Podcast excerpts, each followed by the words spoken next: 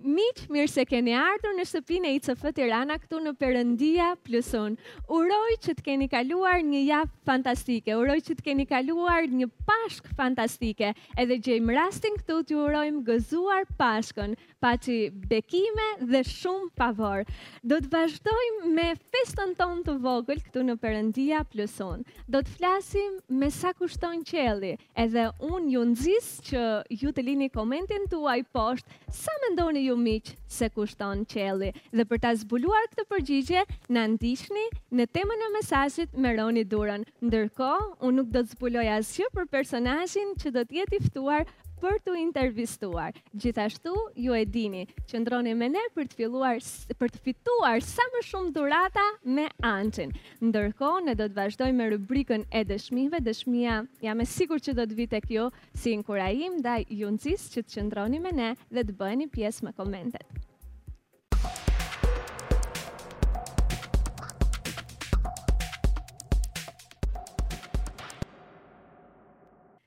Skena është ndryshuar pikërisht për rubrikën e dëshmive. Këtë herë do të kemi një dëshmi nga Anula. Anula, ne të falenderojmë shumë që je bërë pjesë e rubrikës së dëshmive dhe shpresojmë shumë që dëshmia jote të shkojë tek të gjithë si inkurajim. Përshëndetje. Quhem Anula Jah Nebiaj. Për mua është shumë interesante që Altini më kërkoi të ndaja me ju një dëshmi apo inkurajim në këto kohë Pashke.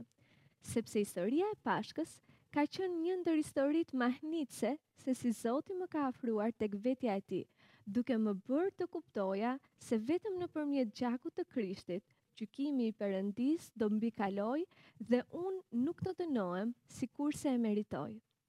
Përveç kësaj, Zoti na ka bekuar me dy djem dhe ne vendosëm përpara se të lindte që i vogli të quhej Rilind, i cili lindi të dielën e Pashkës pesë vjet më parë. Kam patur një falenderim dhe mirënjohje të madhe për personin që iu bind Perëndisë për të ardhur dhe për të më treguar se Zoti ekziston, më ka krijuar, është i shenjtë, më do dhe dëshiron të më falë për të gjithë mëkatet në jetën time të së shkuarës, së tashmes dhe të së ardhmes, në mënyrë që marrëdhënia jonë të restaurohet dhe unë të përmbush qëllimin për të cilin jam krijuar, për të adhuruar dhe lavdëruar Perëndinë. Kjo është arsyeja pse unë dhe familja ime jetojmë në veri të Irakut, për të dhënë atë që kam, atë që kemi marrë. Shumë njerëz përpiqen të jenë të drejtë dhe ta fitojnë faljen e Perëndisë, por ai e thotë shumë qartë në fjalën e tij tek dyja Korintasve pesë, njëzet e një. Sepse ai, Perëndia, bëri të jetë mëkat për ne ai, Jezusi, që nuk njihte mëkat, që ne të bëhemi drejtësia e Perëndisë në të. Unë dua t'ju uroj gëzuar Pashkën të dashur miq. Mbani mend që Krishti është i vetmi që vuri në praktikë shprehjen që ne në shumë vende të tjera e përdorim, t'u bëfsha kurban. Është vepra më e madhe e dashurisë që na është shfaqur për të pasur dhuratën më të shtrenjtë që ekziston, paqen me Perëndinë dhe jetën e përjetshme. Kjo ishte dëshmia e Anulës. Ndërkohë, ju mos u largoni sepse do të kaloj menjëherë në rubrikën e intervistës.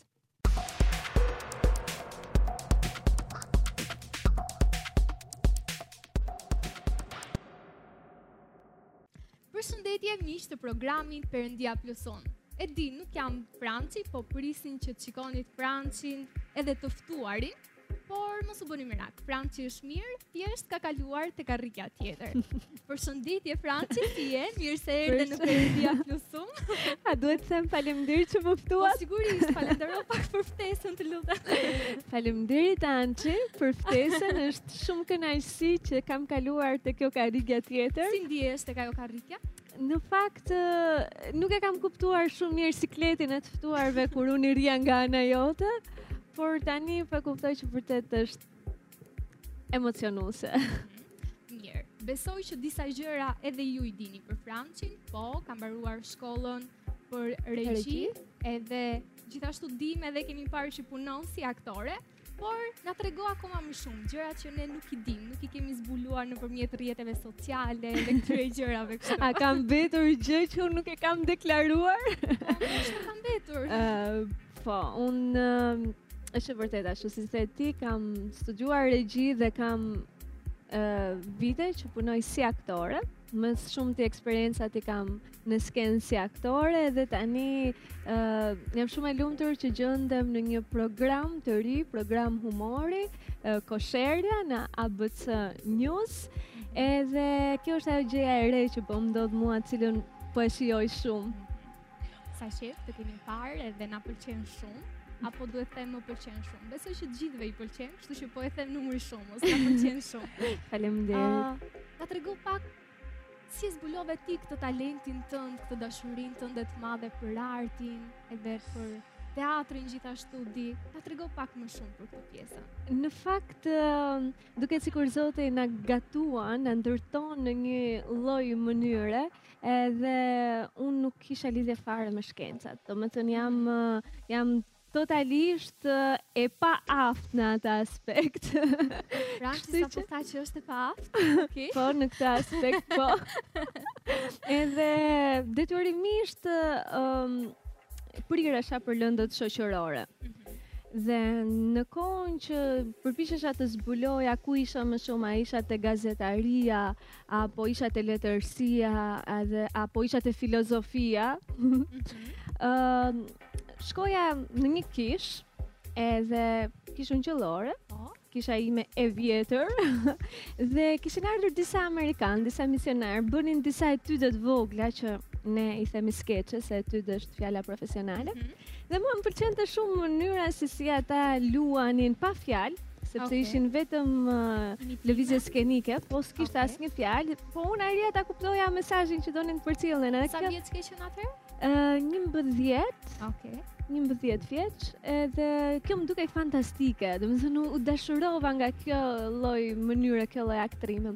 Pastaj ndoshta fillova që vetë të punoja për këtë. Mm -hmm. Uh, mirëpo kam qenë natyrë krijuese dhe gjithmonë kam dashur që të jem të t'i krijoj gjërat dhe të jem në krye të gjërave t'i ah, drejtoj. Okay. Pak kjo dëshira për kontroll. Kështu që pa dashur fillova të bëja rolin e regjisores në një ndër këto projektet për historinë që ne kishim në shkollë, në shkollën fillore. Mm -hmm.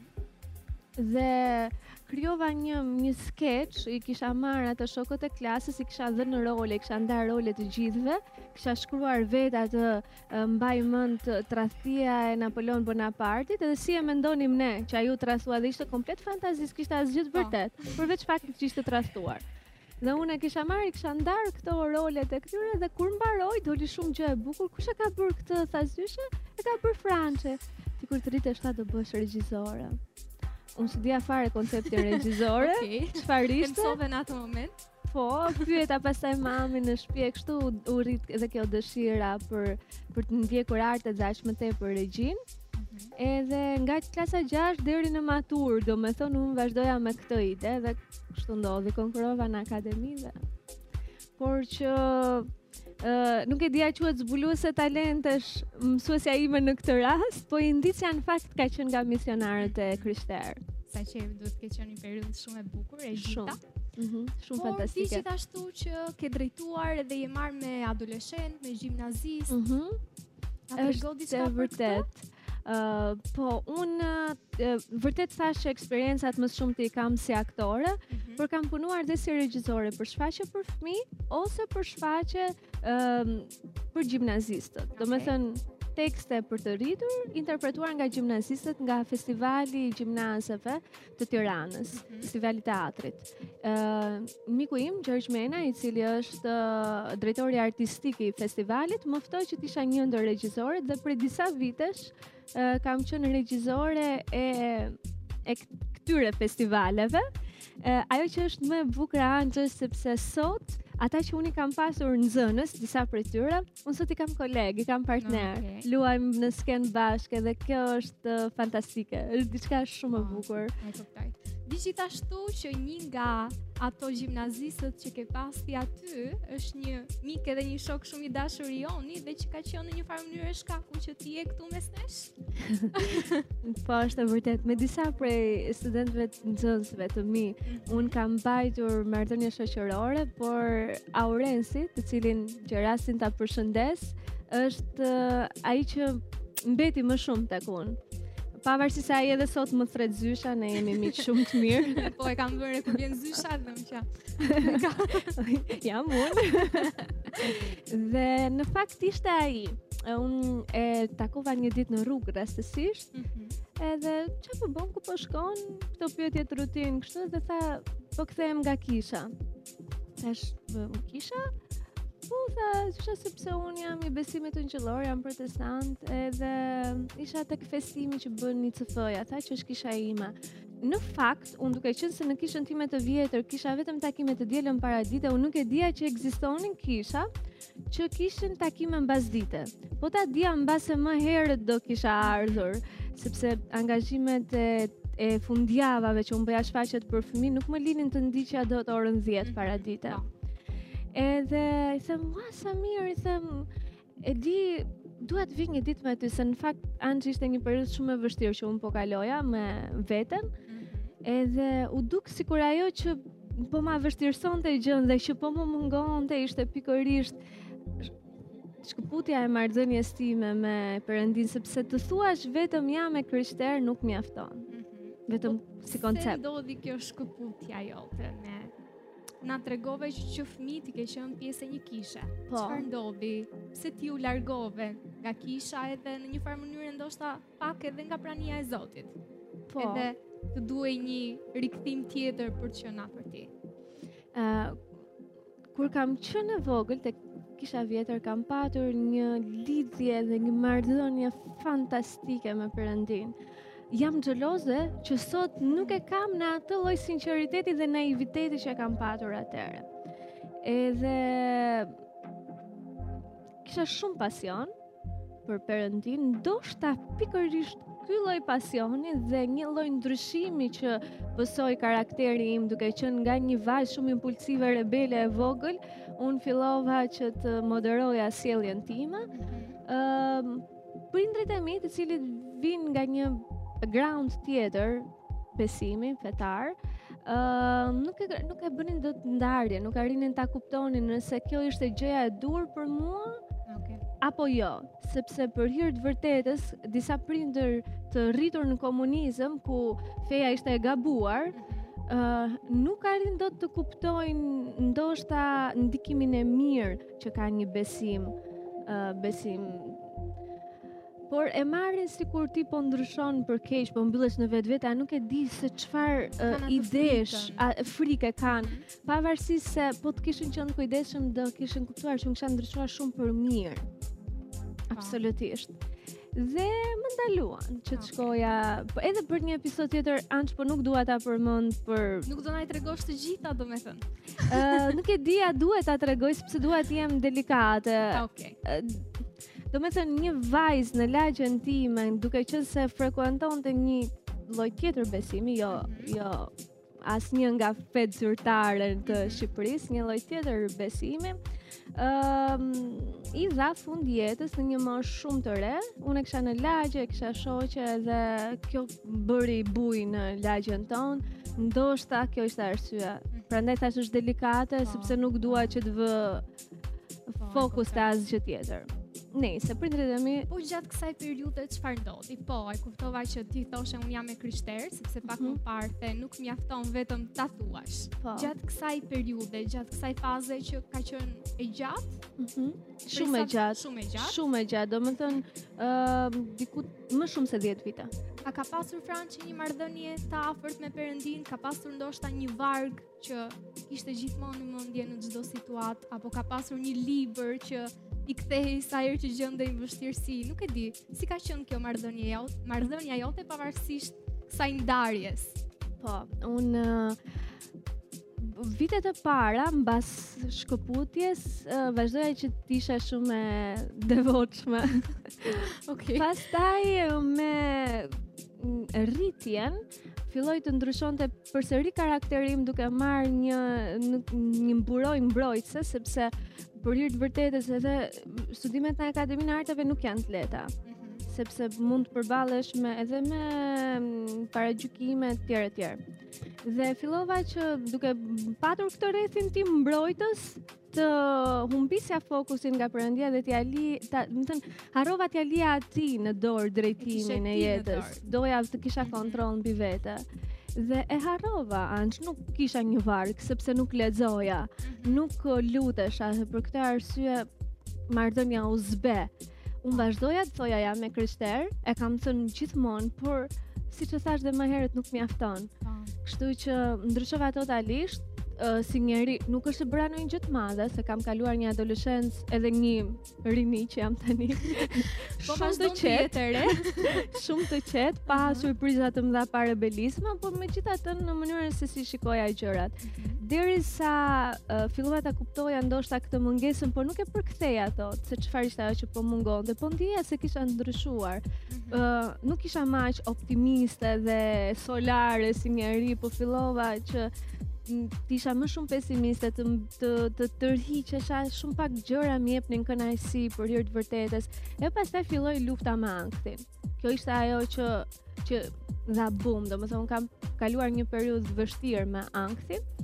Dhe në momentin që un rizbulova Perëndinë se dua t'i vë fokusin gjërave të bukura kur Aurenci më ftoi, un erdha këtu në kishë. Ëm um, kanë qenë disa vargje, meqenëse më pyete për vargjet që më kanë ndikuar. Mhm. Uh, por dua ta filloj me dy fjalë që kanë thën kanë thënë pastorët e mi, Altini dhe Ada. E para ishte perëndi, më falni, i ligu uh, sulmon me dyshime. Këtë tha Altini. Kjo ishte e para fjalë që më solli pak me këmbë mm -hmm. në tokë. Dhe e dyta ishte Ada që tha Perëndia, përderisa nuk kurseu birin e tij për ne, nuk ka për të kursyer asgjë. E këto kanë qenë dy fjalë që pastaj më m'i tundën themelet dhe fillova të të lexoja më shumë, të krijoja një marrëdhënie me Perëndinë dhe pikërisht në një moment që kisha shumë frikë, më kujtohet si nëpër të uh, tek Luka kur Jezusi fle në varkë edhe ata e zgjojnë të tmerruar edhe po mbytemi thonë ai zgjohet dhe thotë po pse dyshon o njeri besim pak dhe kjo në fakt nuk ishte që unë po e lexoja atje mua m'u kujtua që para 10 viteve mm -hmm. dhe thashë po më fal unë pse po dyshoj edhe ah. pastaj aty ndodhi e gjithë kthesa. Mbas këtij momenti, mbas atij vargu që më erdhi në mend, edhe u hasa me një varg me Isaia 40:31 që thotë ata që shpresojnë në Zotin ngrihen me shpresa të reja. Ecin pa u lodhur dhe vrapojnë pa u lodhur. Edhe unë domethënë, uh, tani që e përmend këtë varg, filloi zemra të më rrahë pak më shpejt, filloi të përkthehet kështu nga ana fizike. Jam shumë e emocionuar nga kjo që unë hasa edhe këtu e, e gjeta dhe e rigjeta veten dhe e rigjeta Perëndinë. Okej, okay, pra Perëndia plus unë, siç është edhe formula e emisionit tonë, do thoshte Franci, po e them unë tani, s'ka gjë. Po.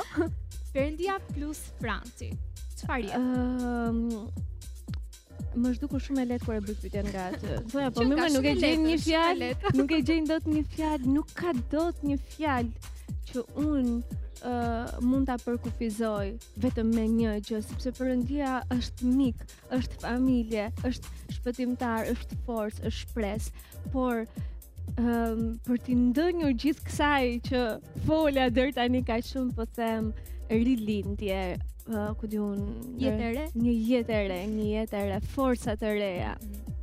Forca të një njeri i re. Ok, edhe të të bëjë edhe ca pyetje të tjera? Po, po. A, meqenëse Anxhin nuk e kemi të na thotë kohën. Sa e kaluam, po. Mhm. Ok, Pra ti u ktheve në ICF, mm -hmm. edhe tani vazhdon të jesh pjesë e disa shërbesave në ICF përpos Perëndia Plotëson. Mm -hmm. Si është ë uh, Franci kur shërben, çfarë emocionesh përjeton, çfarë gëzimi përjeton, çfarë është shërbesa për ty? Ë uh, and gjithmonë Kam qenë shumë mirënjohëse dhe falënderuese për çfarë Zoti më jep mua dhe gjithmonë kam kërkuar një mundësi sado pak si t'ia ktheja mbrapsht, po sado pak. Mm -hmm. Dhe aq më tepër që nga ajo që thashë më para kuptohet se sa shumë ka ndikuar ai në jetën time për për ta rilindur. dhe unë dua shumë që të jetë të jem, të kem mundësi të jem inkurajim për ndonjë tjetër. Pra Zoti të më përdorë mua ashtu si përdori disa njerëz në jetën time për për të ndikuar jetën time. Kështu që për mua është unë nuk e shoh fare as si detyrim, nuk e shoh fare as nuk di si ta them, e bëj me aq shumë dëshirë mm -hmm. saqë është një gjë e imja që buron ashtu siç zgjohem në mëngjes. O dhe fle në darkë, pra si një proces i jetës i ditës, ashtu është dhe për mua të shërbej për Perëndinë. Mm -hmm. Është është forma më më minimaliste për t'i treguar mirënjohjen time. Mm -hmm. Dhe përveç kësaj, A ka më bukur sesa të vish në ICF ose në cilëndo kishë që mund të jenë miqtë tanë që po na ndjekin dhe të gjesh një familje tjetër? Është është fantastike. Do ne Zoti na ka bekuar me një familje dhe ne na ka bekuar edhe të qenit vëllezër dhe motra në Krishtin. Hmm. Kështu që ku ka më mirë sesa të takoj vëllezërit dhe motrat e mia, mua më merr malli. Unë vij sepse dua t'ju takoj. Kam dëshirë të dëgjoj që jeni mirë, kam dëshirë të kaloj disa çaste të bukura me ju dhe duke bërë çfarë? Duke i dhënë lavdi emrit të Perëndisë. Kështu që për mua është e natyrshme, unë nuk di çfarë të them për shërbesën. Ke thënë shumë, ke thënë shumë, edhe unë nuk di çfarë të them pas kësaj që ti the. Më besoni që nuk i kam ushtruar dhunë apo presion që t'i thotë të gjitha këto fjalë për shërbesën. Status, pastaj. Okej, okay, mirë. uh, Faleminderit shumë Franci që pranove ftesën tonë. Faleminderit shumë Anxhi që më ftuat. Koha nuk është e mundshme që ne ta vazhdojmë intervistën, po bëj pak si ti, nuk e di sa po e kupton. Po po të kuptoj, po po po të shikoja me një hije dyshimi.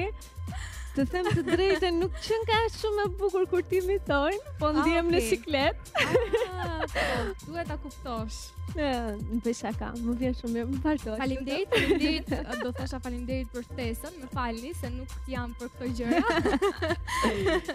faleminderit vërtet që hape zemrën, edhe sigurt që çdo person që na ka ndjekur edhe vazhdon të na ndjeki tani është inkurajuar edhe mhm. thënia e fundit është kjo. Mhm. Nëse ke nevojë, nëse ke një mesazh për t'ia thënë, kamera është aty.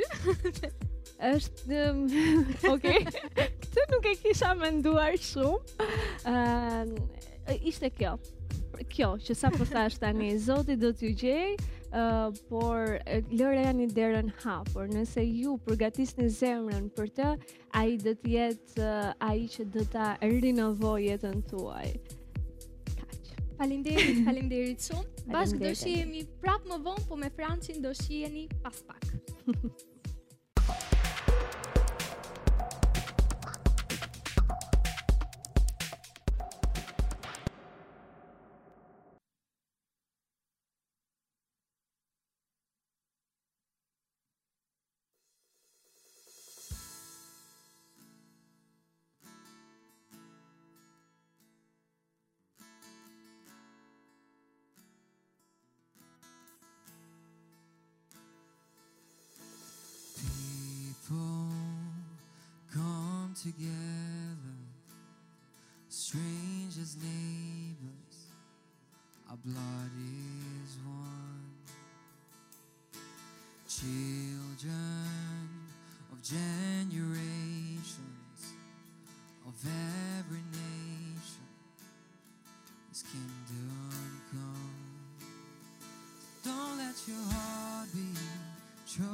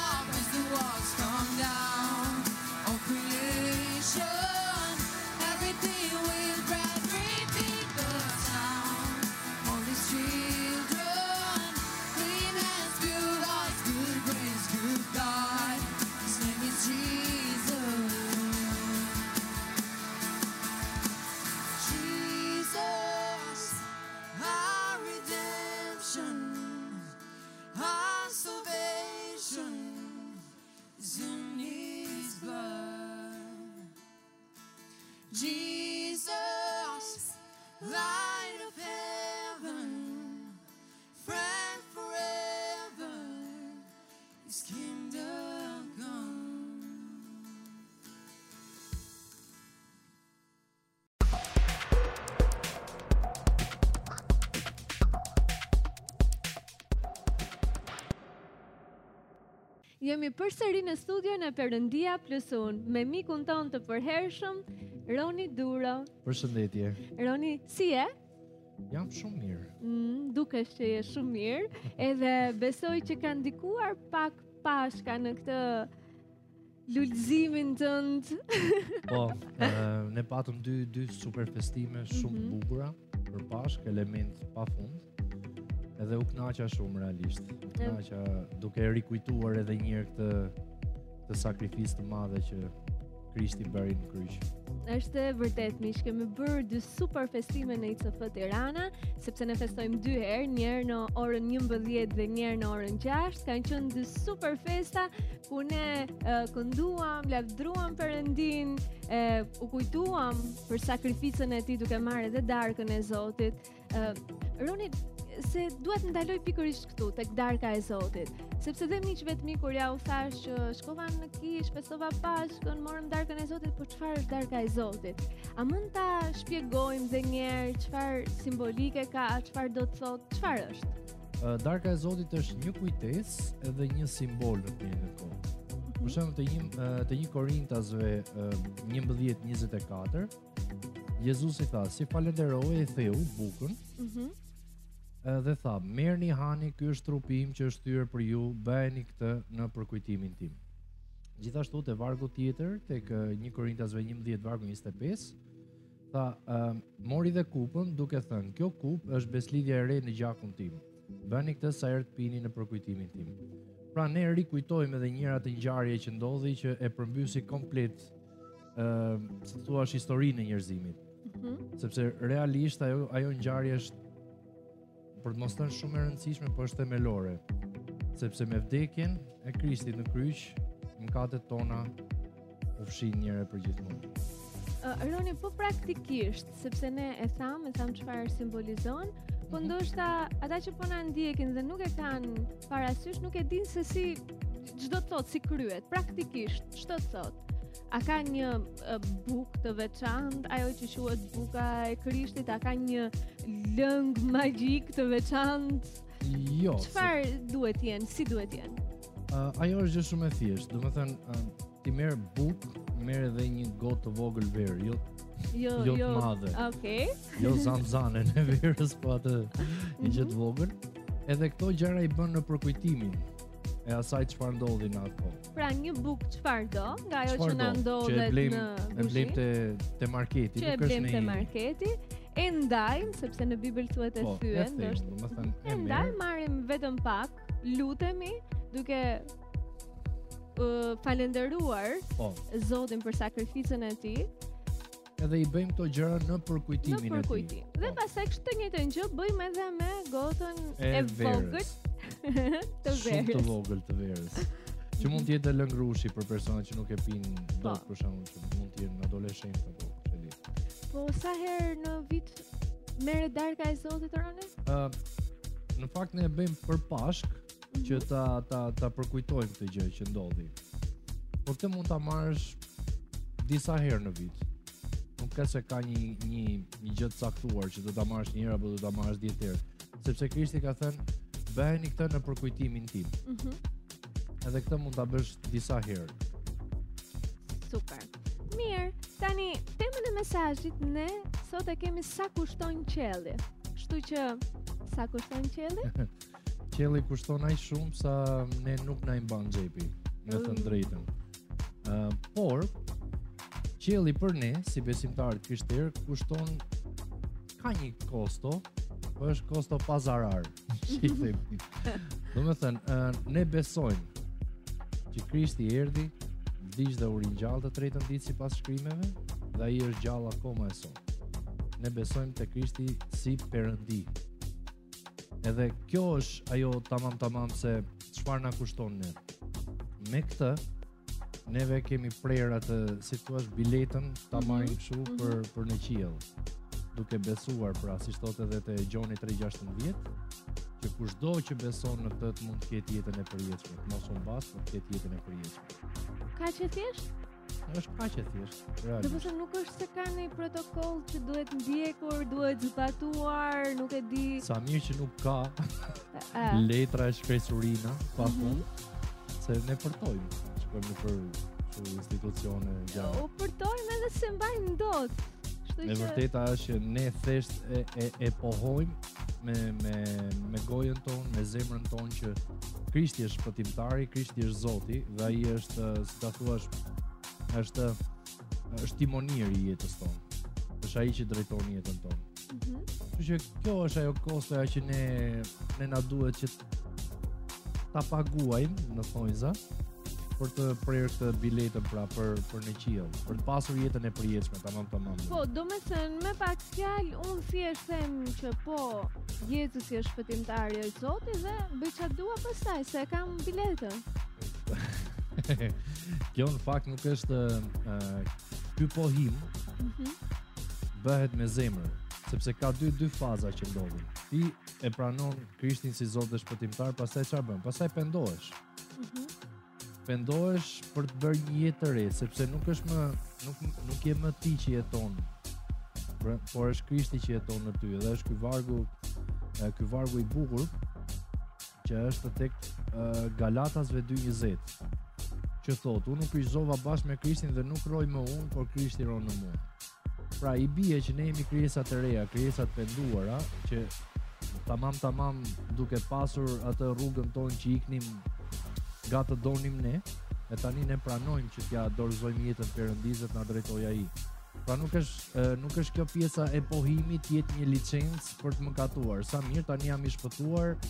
Ë zoti atë punë ka, të na fali se çfarë do bëjë zoti sikur ka ndonjë punë tjetër, kështu që nuk mund ta bëjmë këtë. Sepse duke qenë krijesë e re dhe Krishti jeton në ty, nuk mund të jetë, domethënë pjesa që ok, hajde kthehemi dhe një herë në atë në atë gjënë e vjetër dhe të bëjmë gjitha ato gjëra, domethënë që bënim më përpara. Roni dhe një pyetje të fundit. Ë, uh, nëse unë e pranoj Krishtin, mm -hmm. edhe mëkatoj prapë. Po. Pas kësaj, ë uh, duhet ta pranoj dhe një herë tjetër? Okay. Ose të pagëzohem 3-4 herë për shembull? jo, se të ngjit me të parë. Okej. Kjo. për shembull, te një Gjonit një nëntë thotë, uh, po t'i rrëfejmë mëkatet tona, ai është besnik dhe i drejtë që të na falë mëkatet dhe të na pastrojë nga çdo paudhësi. Ë, e sigurt që ne Edhe pasi të kemi pranuar Krishtin, edhe pasi të jemi bërë këto krijesa të reja, prapë kemi atë natyrën e vjetër që herë pas here ndërhyn, interferon kur. E shkelim. E shkelim. Edhe mund të mëkatojmë, me apo pa dashje. Mm -hmm.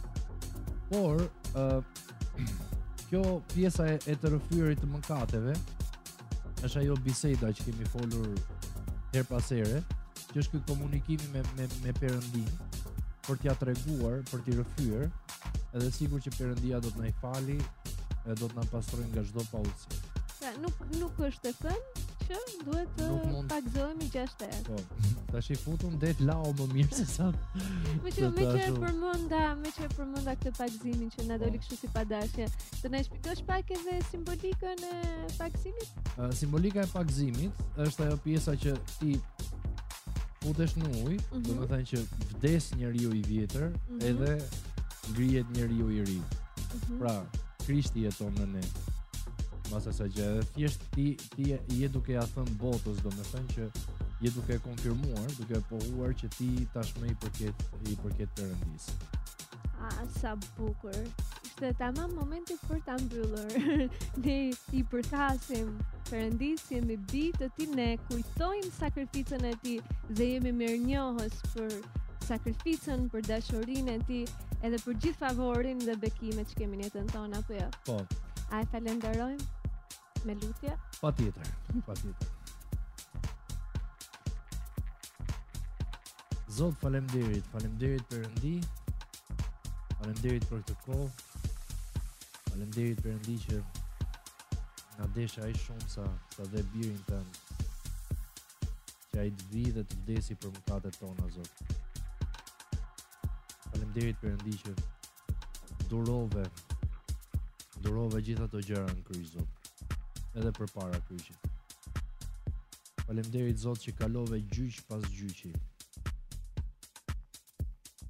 Falemderit, Zot, për këtë sakrificë të mrekullueshme dhe tani ne kemi mundësin që të të lavdërojmë me, me, me zemrën tonë, Zot. Të jemi të shpëtuar dhe të jemi përjetë bijtë e tu. Faleminderit Jezus për për këtë gjë kaq të madhe për ne. Faleminderit për hirin tënd, Zot. Ndërsa jemi në këtë kohë, lutemi dhe përkujtojmë atë që ti bëre për ne Perëndi dhe mos u ndaftë nga mendja jonë kjo kjo sakrificë dhe ajo që vjen pas kësaj Zot. Që ti na dhe jetë, ti u ringjalle Ti e munde vdekjen, Zot Lutem që Kemi mbrojtjen tënde Perëndi Të jemi varur te ty Të jemi Jemi ata persona që Që ne do jetojmë sipas fjalës tënde, Zot Që ne do e nderojmë sakrificën tënde Perëndi Lutem besoj dhe kërkoj në emrin tënd, Jezus Amen. Amen.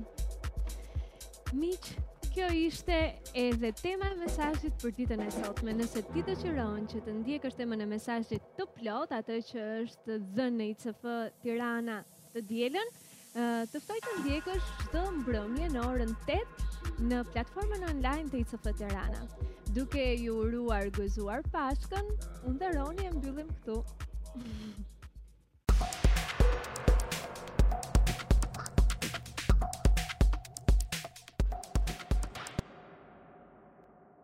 Përshëndetje, jemi sërish bashkë dhe tani është momenti që të luajmë dhe të argëtohemi. Të ftoj edhe të nxis që të bëhesh gati edhe komentosh përgjigjen e saktë për t'u bërë fitues i njërit prej dhuratave të sotme. Do fillojmë pa humbur kohë me lojën e parë, është një pyetje në fakt. Dhe pyetja është, Si quhej princi tek filmi Bukuroshja e fjetur? A i keni fiksuar ndonjëherë emrat e princave ju? Se unë për vete vetëm princeshat, mbaj mend. Por nëse ti e ke fiksuar, komentoje tani dhe fiton. Çfarë fiton? Fituesi fiton një... Fituesi ku fiton, doli kështu. Ok, fituesi fiton një kupon prej 3.000 lekësh nga Tony's Place. Tony's Place që ndodhet pranë qendrës Nobis, ka ushqime në fakt shumë të shijshme dhe të Të mira, do gjeni atmosferë shumë të ngrohtë, një mikpritje gjithashtu edhe do kënaqeni me miqtë tuaj. Kështu që komento që të shkosh ndoshta këtë javë me miqtë tu atje edhe të kënaqesh. Por gjithashtu edhe nëse nuk fiton, prap mund të shkosh edhe kënaqesh. Edhe një herë e përsëris pyetjen, si quhej princi tek filmi Bukuroshja e fjetur? Ndërkohë që ju komentoni përgjigjen e saktë, unë po ndaloj për një moment për të për të rikujtuar shërbesat që ne kemi në ICF Tirana. Dua ta filloj me të dielën, ne kemi dy festime fizikisht edhe online. Jemi paradite dhe pasdite. Jemi këtu në ndërtesën e ICF Tirana dhe nëse ti je këtu në Tiranë dhe mund të jesh pjesë e jona, të ftojmë edhe të inkurajojmë shumë që të vish edhe të na takosh. Do ishte shumë gëzim për ne që të kishim këtu. Por gjithashtu nëse ti nuk je në Tiranë, je në një qytet tjetër apo ndoshta dhe në një shtet tjetër, të ftojmë të bashkohesh me ne online.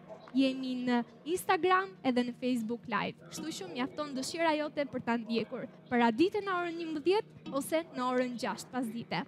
Do ndalojmë Sepse kemi pyetjen e dytë dhe sërish ju mund të fitoni një dhuratë, por jo një kupon nga Tony's Place, këtë herë një varse nga Zogart. Pyetja është, si e ka emrin personazhi në foto? E mbani mend këtë vajzën e vogël shumë gallat do thosha unë? Nuk e di sa e keni fiksuar emrin. Nëse ti e ke fiksuar emrin dhe nëse komenton emrin e saktë tani, bëhesh ti fitues i varëses nga Zogart. Zogart me produktet unike që na ka shoqëruar gjatë gjithë këtij sezoni. Faleminderit shumë për dhuratat që ke bërë për gjithë miqtë e programit tonë. Edhe një herë e përsërisim si e ka emrin personazhi në foto. Komento emrin e saktë dhe bëhu ti fitues.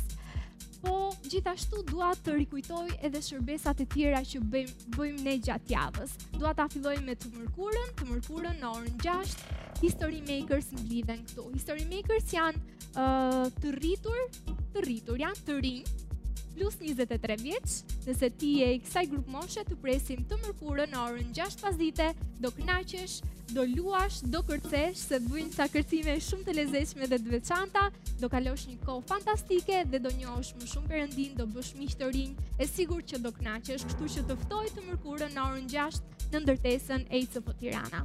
Të enjteve gjithashtu kemi një festim tjetër dhe ky festimi është për të gjithë ju që jeni studentë. Janë online, kështu që edhe nëse je nga një qytet apo nga një rreth tjetër, sigurisht që mund të bashkohesh. Mblidhemi në Zoom, kalojmë një kohë fantastike, diskutojmë me njëri-tjetrin, luajmë. Nëse je student edhe akoma nuk je bërë pjesë, Të ftoj që të na shkruash dhe të na komentosh, të dërgojmë direkt linkun e Zoom-it dhe ti mund ta shijosh këtë kohë fantastike me studentë të tjerë.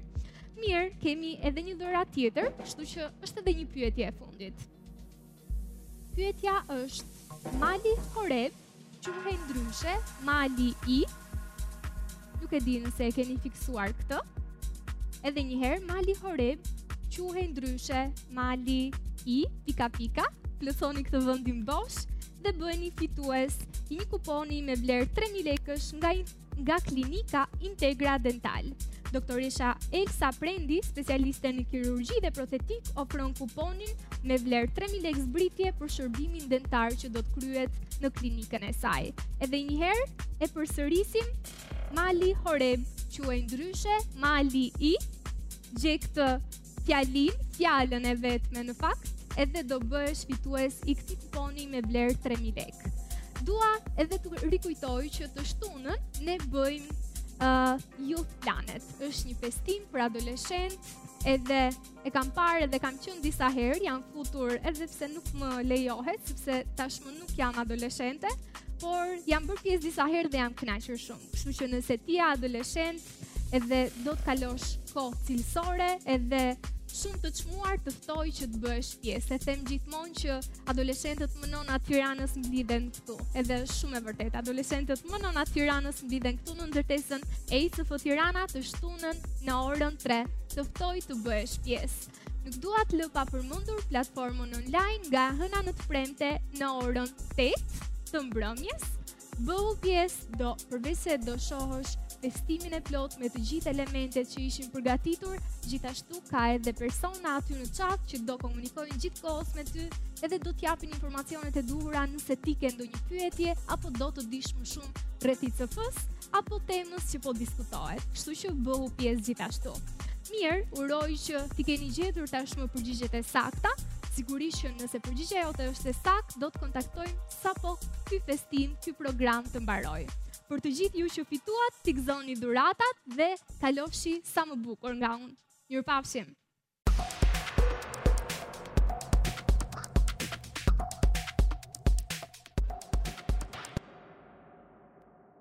Miq, kjo ishte Perëndia plus unë edhe për ditën e sotme. Mos harroni që të jeni me ne sërish të martën tjetër në orën 6 për shumë shumë surpriza. Ndërkohë, ju urojmë të kaloni një javë të këndshme.